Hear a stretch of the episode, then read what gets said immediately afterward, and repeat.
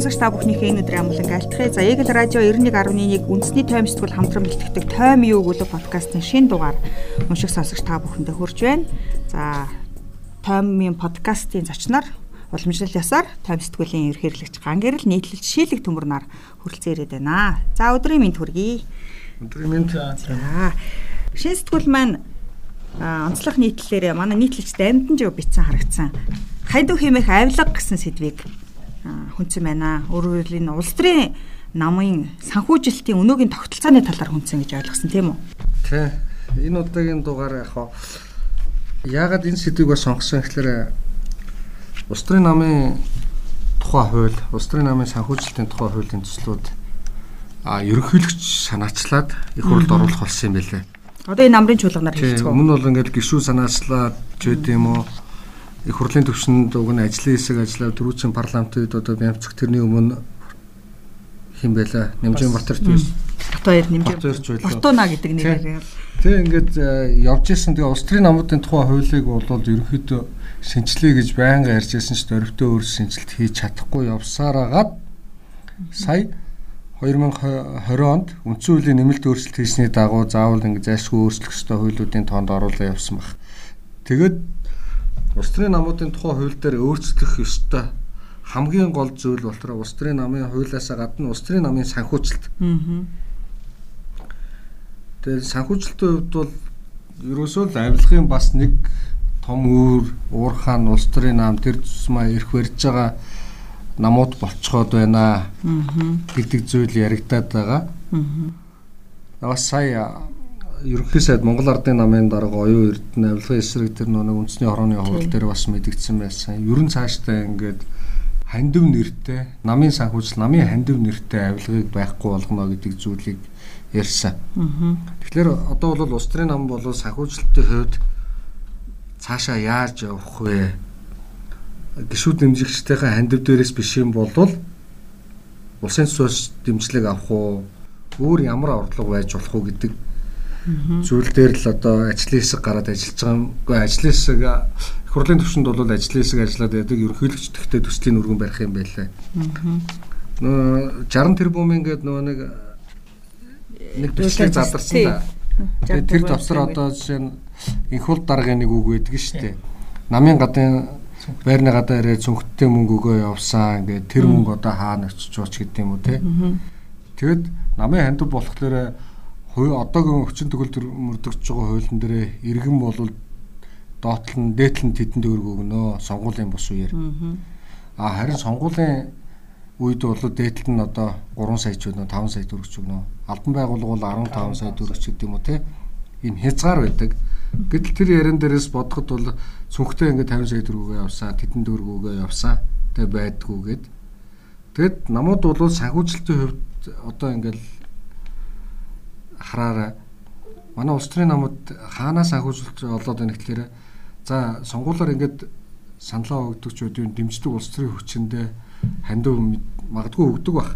Гэхдээ яг 180 мянган гишүүнтэй 200 мянган гишүүнтэй 100 хэдэн мянган гишүүнтэй гээд яриад байдаг намууд гишүүдээсээ татвар авдаг тогтолцоо бол үнэхээр манай айлч шигтэнд бол бүрдээгөө зөвхөн одоо намын баг хурлын гишүүн ч юм үндэсний зөвлөлт хорооны гишүүн гэдэг намын дээд удирдах албан тушаалд хашиж байгаа хүмүүс бол татвар төлдөг.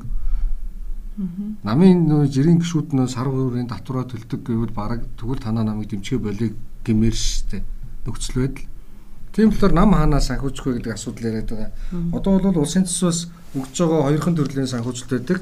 Сонгуулийн дараа намуудад авсан саналын тоогоор нэг санал дотор 1000 төгрөг өгж байгаа. Мөн их хурл судалтай намд нь жилдээ нэг судалт нь 10 сая төгрөнд дүүцүүлж өгдөг.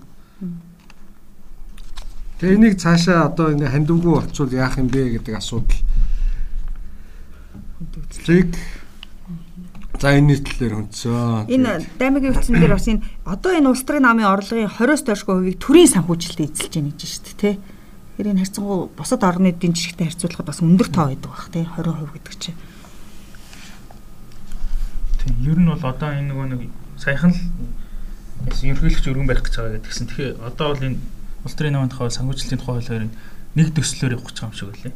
Өмнө нь бол аа өмнөх парламент үед бүр өмнө элбэгдэрж ерөнхийлөгч байхдаа бас энэ асуудлыг яриад зөвлөхөн сосрмаа гэж зөвлөхөд өгсөн тэр хэлцээд өг нэвжсэн тэгээд батлагдаагүй олон жил ярьж байгаа. Тэгээд сайн үнцүүлийн нэмэлт өөрчлөлтөөр болохоор улс төрийн намын тухай улс төрийн намыг одоо ямар хэлбэрээр байгуул зохион байгуулах вэ гэдэг. А гişүүдийн тоог нь бас өөрчлөгдсөн шүү дээ. Тийм одоо Хуами нэг хувь гэдэг тэрнтэй хоёр. Гэтэ тэр залт нь бол 2028 оноос хэрэгжиж штэ. Тэгэхээр тэр үндсэн хуулийн нэмэлт өөрчлөлтийн дагууч тэр олон жилээр за нөгөө санхүүжилтийн тухайч тэр улс төрийн намын тухай санхүүжилтийн хуулийн зохицуулах гэдэг. Тэгээ олон ийм нөгөө санхүүжилтийн холбоотой юм кейс юм алдаануудыг батлах гэдэг. Тухайлбал саяхан одоо зэл талигч болчихсон шийлэг дамп гэдэг хүн те. Монголоор дэв султан нэрмцгийн дараагаар ажилладаг та бас энэ асуудал холбогдсон. Тэрний яагаад гэвэл нам нь одоо жишээ намаас одоо албан тушаалд томилогдсон хүмүүсийг бол намаас нь намдаа санхүүжилт болох хэрэгтэй байна гэж ахалт үзүүлдэг. Сонгуулийн зардал босго. Сонгуулийн зардал босго гэдэг. Тэрнээс нь болоод ийм асуудалд орсон гэсэн тийм яриа байдаг. За ер нь тэгээд улс төрийн намуудыг нам гэхээр зөвхөн л Улаанбаатарт байгаа тусгаар тогтнолын ордны хажууд гарсан намын байр биш шүү дээ. Орон нутагт байгаа намын хороод дээр нэг компани том компани төлөөл очиод намын дараагаар нь очиж суучдаг. Тэгээд тэр намын санхүүжүүлээд тоглож байгаад гişүүн болоод ирдэг. Тэгээд цаашаа ингээд ерөөсөл тэр жишгээр явдаг шүү дээ. Тэр санхүүжилдэг. За тэгээд тэнд орон нутгийн намын хорооч гэсэн тэнд чинь бас нэг байр байгаа, урсгал зардал хэдэн хүн ажиллаж байгаа.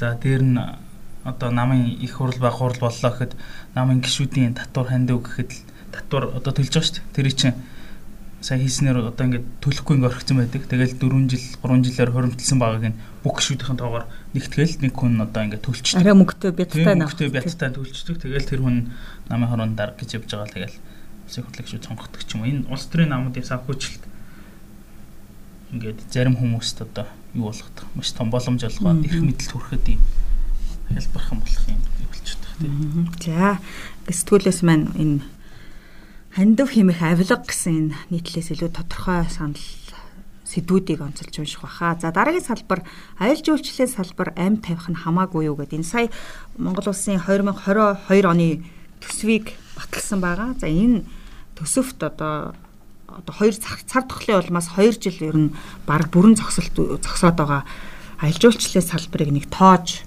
авч үз чадсангүй юу дээ гэсэн үнцэг харагдсан тий.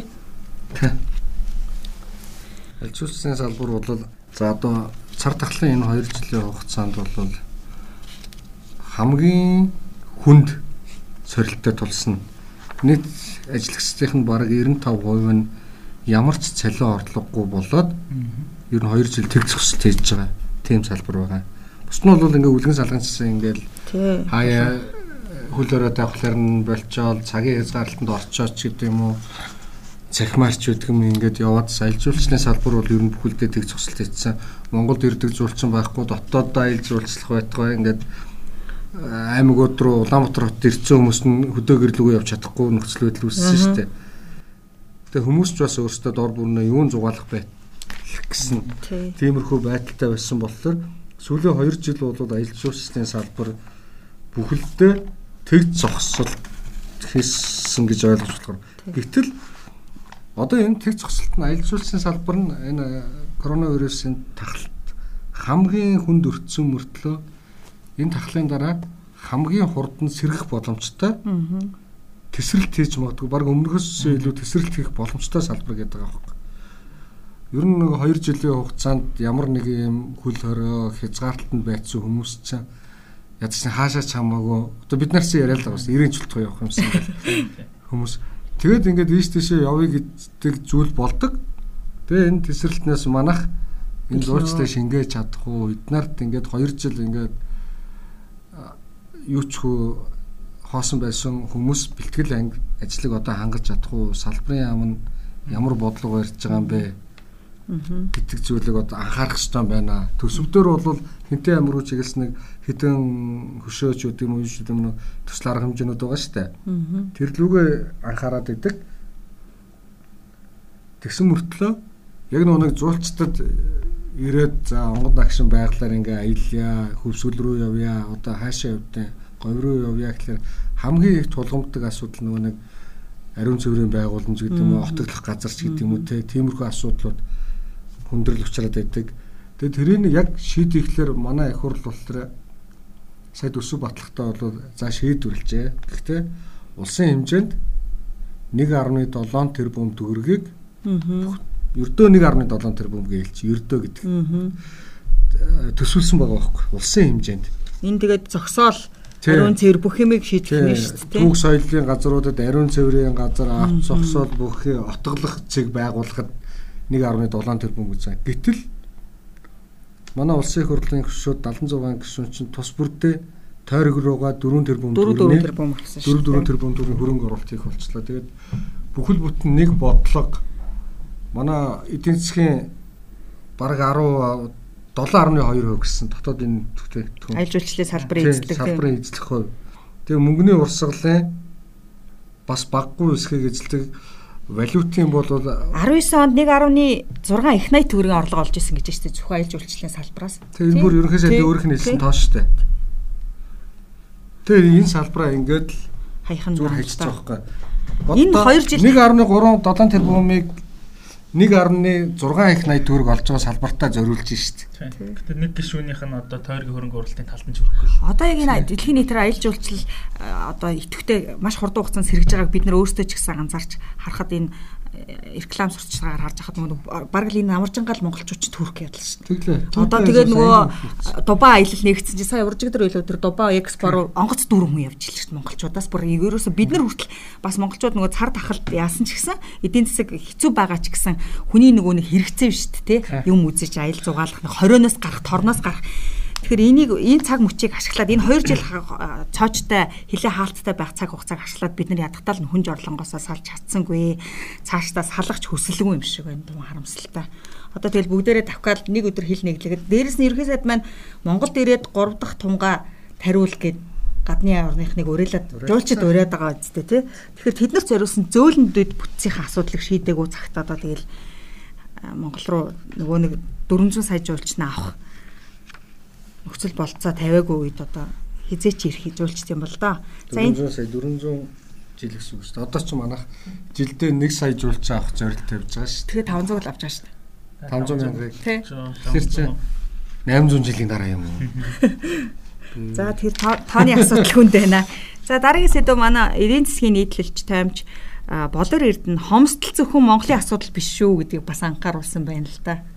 Дэлхийн нийтээр л хямарж байгаа одоо ерөөхдөө бас тэр өнгөрсөн 7 хоногт бас манай Мэгүр самбаахын гадаад мэдээлэл төр гарч ирж ирсэн хятадд өөрсдөө бас одоо дэлхийн том үйлдвэрлэгч гүүрэн цар тахлын аюулаас хамгийн түрүүнд гítэлж гараад одоо эдийн засгийн доктортой өсөж байгаа ч гэсэн хятад одоо юм юмны хомсдол нүүрлэж гэлсэн эрчим хүч бараа бүтээгдэхүүн логистикийн энэ асуудлаас болоод. Энэ жишээнүүд дээр ер нь ер нь л одоо дэлхийн улс орнуудад дэлхийн нийтийн орнуудад эдийн засгийн хувьд бол ямархуу байгааг бие биенээсээ ерөөсөө дэлхийг даяарчлагдсан эрийг шинжтэй бие биенээсээ хамааралгүй юм юу ч байхгүй болсон. Тэгэхээр энэ юм юмны одоо хомсдол үүсэж байгаа гэдгийг онцолж бичсэн байлээ. Левийн салбар ямар чухал вэ гэдэг. Харин тий одоо одоо манад ч хэд ч нөх хил хаагдчаад нарийн дагуу ховрдоод байгаа шүү дээ тий. Манай жолооч нар бол хөрхи хил дээр ойчлоод идэг. Англид болохоор жолооч болтгоо байсан. Тий. Тийм гэсэн тий. Тээвэр дээр л бүх асуудал. Сая одоо мааш нөгөө шатхууны асуудал үүсгэж юм бас хятад шатхуун авъя гэсэн бол төмөр замын тээврээсээ болол бас тий. Гэх мэтчлэн дэлхийн зовлон нэг bay шүү. Англи жолооч ховордол Америк Америкт ажиллах хүч нь ховордол хятад эрчим хүч нь хомсоо Японд автомашины тоног төхөөрөмж нь үйлдвэрлэлтнээр түүхэд нь хомсдол ер нь тэгэл бүх нийтээрээ л хомсдол явж байгаа юм байна. Тэгэхэд чинь хажууд нь манай өндөг мөндөг жижиг асуудал юм байна. За энэ уул уурхайн салбарт одоо усны тий хариуцлага түншлэл гэсэн юм материал бас манай сэтгүүлд орсон байгаа. Сонирхолтой материал байлээ. Усыг хадгалах, ашиглах, дахин ашиглах зэрэг үйл явц уулуурхайн олборлолтын шаттай амжилт бүр чухал нөлөө үзүүлдэг тухай тун сонирхолтой инфографиктай юм мэдээлэл байлээ. За дараагийн сэдв манай шийлэг төмөр өнгөрсөн бичсэн маа өнгөрсөн баасан гарагт одоо уламжлал ясараа 15-наас өмнө 11 дугаар сарын 15-наас өмнө Монгол улсын 2022 оны төсвийн төслийг баасан гарагт баталсан. Тэгэхээр энэ оны эх оны одоо төрөвч ямар байхыг шилэг маань бас тоймлсон. Тэгэхээр одоо яг нөгөө цар тахалтай өнгөрсөн жил төсөв баталж байхад бол цар тахал яг ийм хэмжээнд хүрнэ гэдгийг бол төдөл яагаад байсан шүү дээ. Аа. Тэр чинь яг төсөв батлаад яг манай дотоод халдвар алдсан их зэрэгцэжсэн. Тэгээд төсөв тоотгол хийсэн. За энэ жил бол одоо ингээд 2022 оны төсөв бол за цар тахлыг яриад даван туулна гэсэн байдлаар засгийн газар нэлээд тийм өөдрөг төсөв баталсан. За дээрнээ тэр нь одоо нүүрсний экспорт бас эхлэв тий. За тэгээд нүүрснийхаа тэр нөгөө экспортыг хялбаршуулсан. Чингэлэг терминал энэ төр гэдэл тэр асуудал дээр нэлээд тулгуурлаж байгаа шиг байна. За дээр нь бас халамжийн одоо бодлого бол төдийлөн өөрчлөлт гараагүй. Өмнөхөр за харин тэр хүүхдийн мөнгийг бол одоо хоримтлал хэлбэрээр олох нь гэсэн онцлогтой. За гişүүдийн 4 тэрбум гээд яг төсөв хилцэж эхлэх өргөн барих үед бас нэлээд тийм шүүмжлэлт авалж исэн боловч тэр нь яг хэвээрээ ингээ батлагдсан. За ер нь бол нөгөө нэг яг үндсэн хууль заасны дагуу төсөв нэгэнд өргөн барьсан бол одоо зарлуул алдагдлын хэмжээд одоо өөрчлөлт оруулахыг зөвлөр хоригдсон шүү дээ. Тэгэхээр бол нэгэнд өргөн барьсан төсөв дээр бол томоохон юм өөрчлөлтүүд бол орохгүйгээр л ингээл тэг тодтол хийхгүй гэсэн үг. Та явж чинь а тодтол хийхийг бол одоо хэлж мэдэхгүй шүү дээ. Хагас жилээс хойшлох юм. Тийм. За тэгээд дээр нь төсөвтэй хамт засгийн газрын бүрэлдэхүүн тухай өөрчлөлт оруулсан. За энэ болохоор оны эхнээс 2 яам шинээр байгуулагдана. Юу байгуулад ажиллана тий. За тэгээд 3 агентлаг шинээр байгуулна гэдэг. Энэ бүх төсвүүдийн яаж гэсэн. Энэ сайд нарын 2022 онд хэдийг зарцуулах вэ гэдэг тоо бас тоонд манайхан ч бас ач холбогдол өгдөг юм чиг. А яаж ил хамгийн өндөр төстэй бол сайд тус бүрээр хамгийн өндөр нь мэдээж сангийн сайд л авах л та тий 3 их 80 632 тэрбум төгрөг ийм төсөвтэй байгаа юм байна. За хамгийн бага төсөвтэй сайд нь шинээр байгуулагдах яамны хинж гэсэн сайд байж магадгүй хүн тий захим хөгжил харилцаа холбооны сайд 44 тэрбум гэдэг нь хамгийн бага тоол юм байна л да. За тэгээд боловсролын боловсрол шинжилх ухааны сайд. Эрүүл мэндийн сайд салбарын төсөв жоох нэмэгдсэн үү энэ жил? Цар тахалтай холбоотой орд гэсэн баг тий. Тийм баг. Эрүүл мэндийн сайдын юу бол эрүүл мэндийн салбарт бол маш их мөнгө зарцуулсан шүү дээ. Энэ онд бол. Тэг нь цаашдаа зарцуулах бах. За. За нэг юм шийдвэр байгаамаа. За дараагийнх нь болохоор манай залуу сэтгүүлч Сарангоо бичсэн байсан. Суглааны улс гэл одоо бидний амьдралын эргэн тойронд л өдөр тутам суглаа гардаг болжээ. Одоо хүүхдүүдэд цэцэрлэг суглаагаар өгдөг. За нөөтийн суглаа бол амьдралын маань саршгүй нэг хэсэг болсон. Хождгол болох. Хождгол болохоос ш. За тэгээд одоо нөгөө энэ телевизүүд маань бас гаргах юм болтохгүй л өдөржингөө суглаа явуулдаг болсон байлээ. Тэгээ азанд найдаж ерөөсөө амьдрдаг болжээ. Энэ болохоор төр засгийн аргаа орсон шийдвэрийн нэг хэлбэр шүү дээ. Ерөөсөө төрөөсөө орон сууцнд ороход хүртэл суулаа суулсан. Тий. Төрөөсөө орон сууцнд ороход суулаа суулсан. Буян тухайд байр өгөхдөө суул Буян тухай чи арай нэг жоохон хямдхан байсан шүү дээ. А газрын газраас суглуулсан. Тий. Тэгээд газар олохдоо суглуулсан. Нөө нийслэл 52 байлуу 54 байж газар өмчлүүлнэ гээд суглаа суглуулсан. Ер нь хүүхдээ цэцэрлэг бол байнга суглуулж байгаа. Цэцэрлэг суглаатай. Ер нь төр ховын хөвшил иргэн хүртэл суглаа зохион болж байна. Бүхэл газар суглаа явж штеп.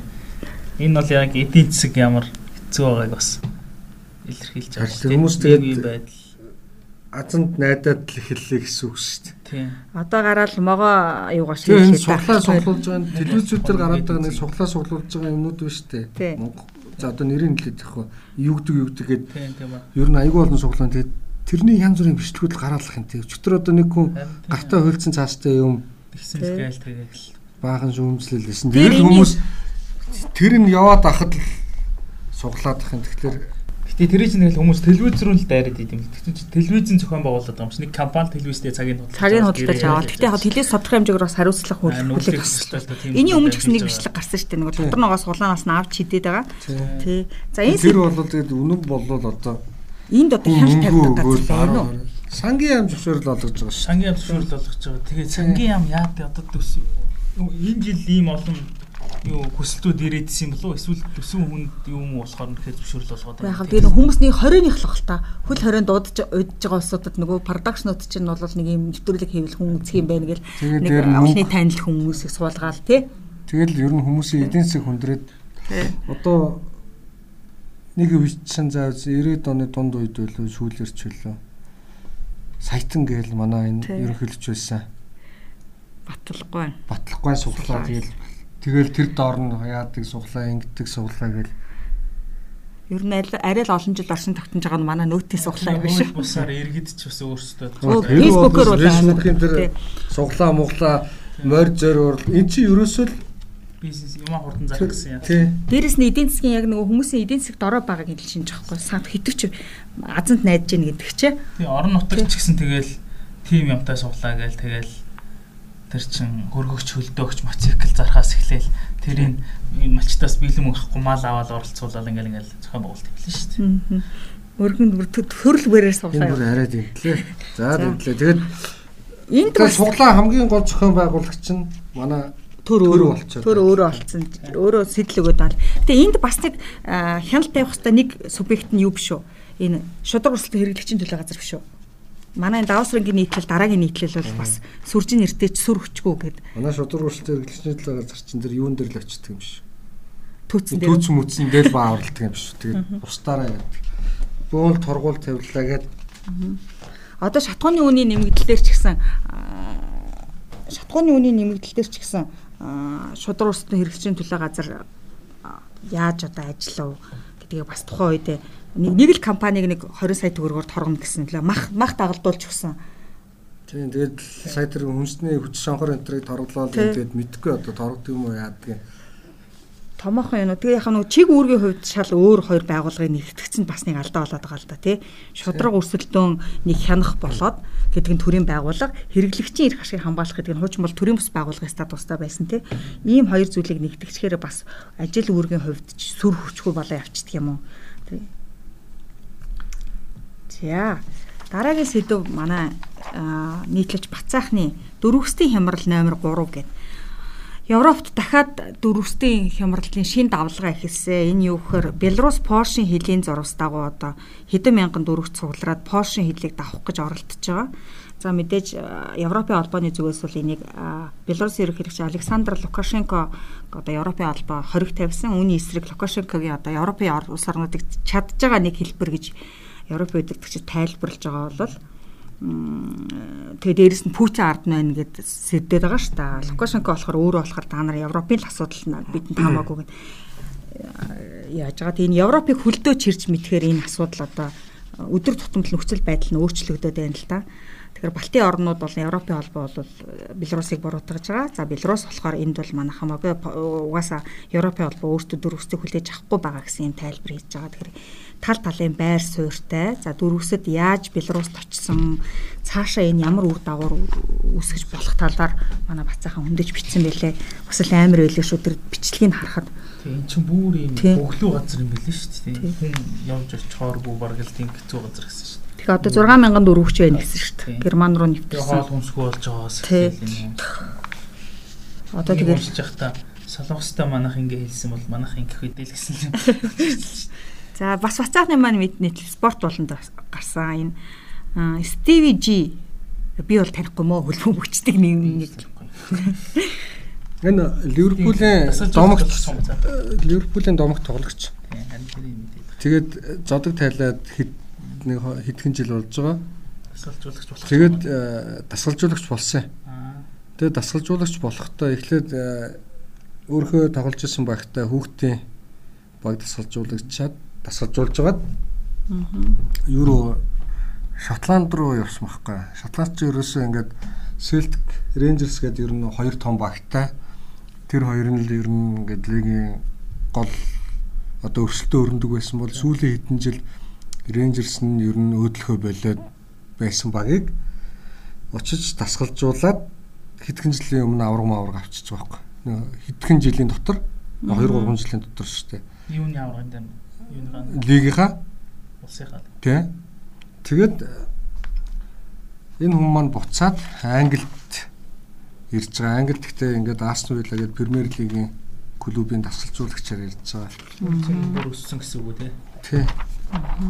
За дараагийн сэдв бид нар энэ үнсээ таймсдгүүлдэ урлаг болонтой уламжлал хасаар уран зургуудыг хэрхэн тайлж тайлбарлаж унших талаар сонирхолтой урлаг судлаач Амината хамтраад юм сонирхолтой сонирхолтой мэдлэл цувралаар явуулж байгаа. За энэ энэ удаад цаг хугацааг мөнхөрсөн уран зураг юу манайхан одоо уншигч сонсогчд маань бас сайн мэднэ л дээ. Сальвадор Дали сүрээрээс зураач Сальвадор Дали ийм урсаж байгаа цаг би бол урсаж байгаа цаг гэж тайлбарлаад идэв. Энэ аминагийн тайлбар дээр зөөлөн цаг гэсэн байлээ. Одоо нэг ийм гурван цаг юм урсаж байгаа тийм зураг байдаг хайлсан. хайлсан юм цагны зураг байдаг. Тий, тий энийг зургийг нь бол хүмүүс сайн мэдж байгаа. Тий энийг яг одоо ямар учиртай за цаг нь ямар учиртай цаана фон юу илэрхийлж байгаа за бас шоргоолж харагддаг тий шоргоолж ямар учиртай ард нь одоо фонд нь гарагдж байгаа уулс нь ямар учиртай гэхчлэн бүх зургийг одоо детальчилж тайлбарлсан юм сонирхолтой тайлбаруудыг энэ зургнаас ерөөсөө зүү зэрэглээ айдас мэдрэгддэг гэж шүү. За энийг одоо сэтгүүлийн маань дугаараас тутан уншаарай. За уламжлал ясаар үндэсний тайм сэтгүүл маань матар болонда бас монголчуудын ковидтэй тэмцсэн түүхийг нийтлэлч Гампи одоо хөгжилтэй фличаныг бас оруулсан байгаа. За мөн уламжлал ясаар 7 хоногийн онцлог гэрэл зургууд за онцлог иршлүүдийг бас багтаасан байгаа. Ингээд үндэсний тайм сэтгүүлийн 495 дахь дугаар болсон тийм 495 дахь дугаарт багтсан онцлог нийтлэл сурвалжлагуудаас та бүхэн танилцууллаа. За эх 7 хоногийн даваа гарагт шинэ подкастаар эрг уулзлаа. Түр баяртай. За баяртай.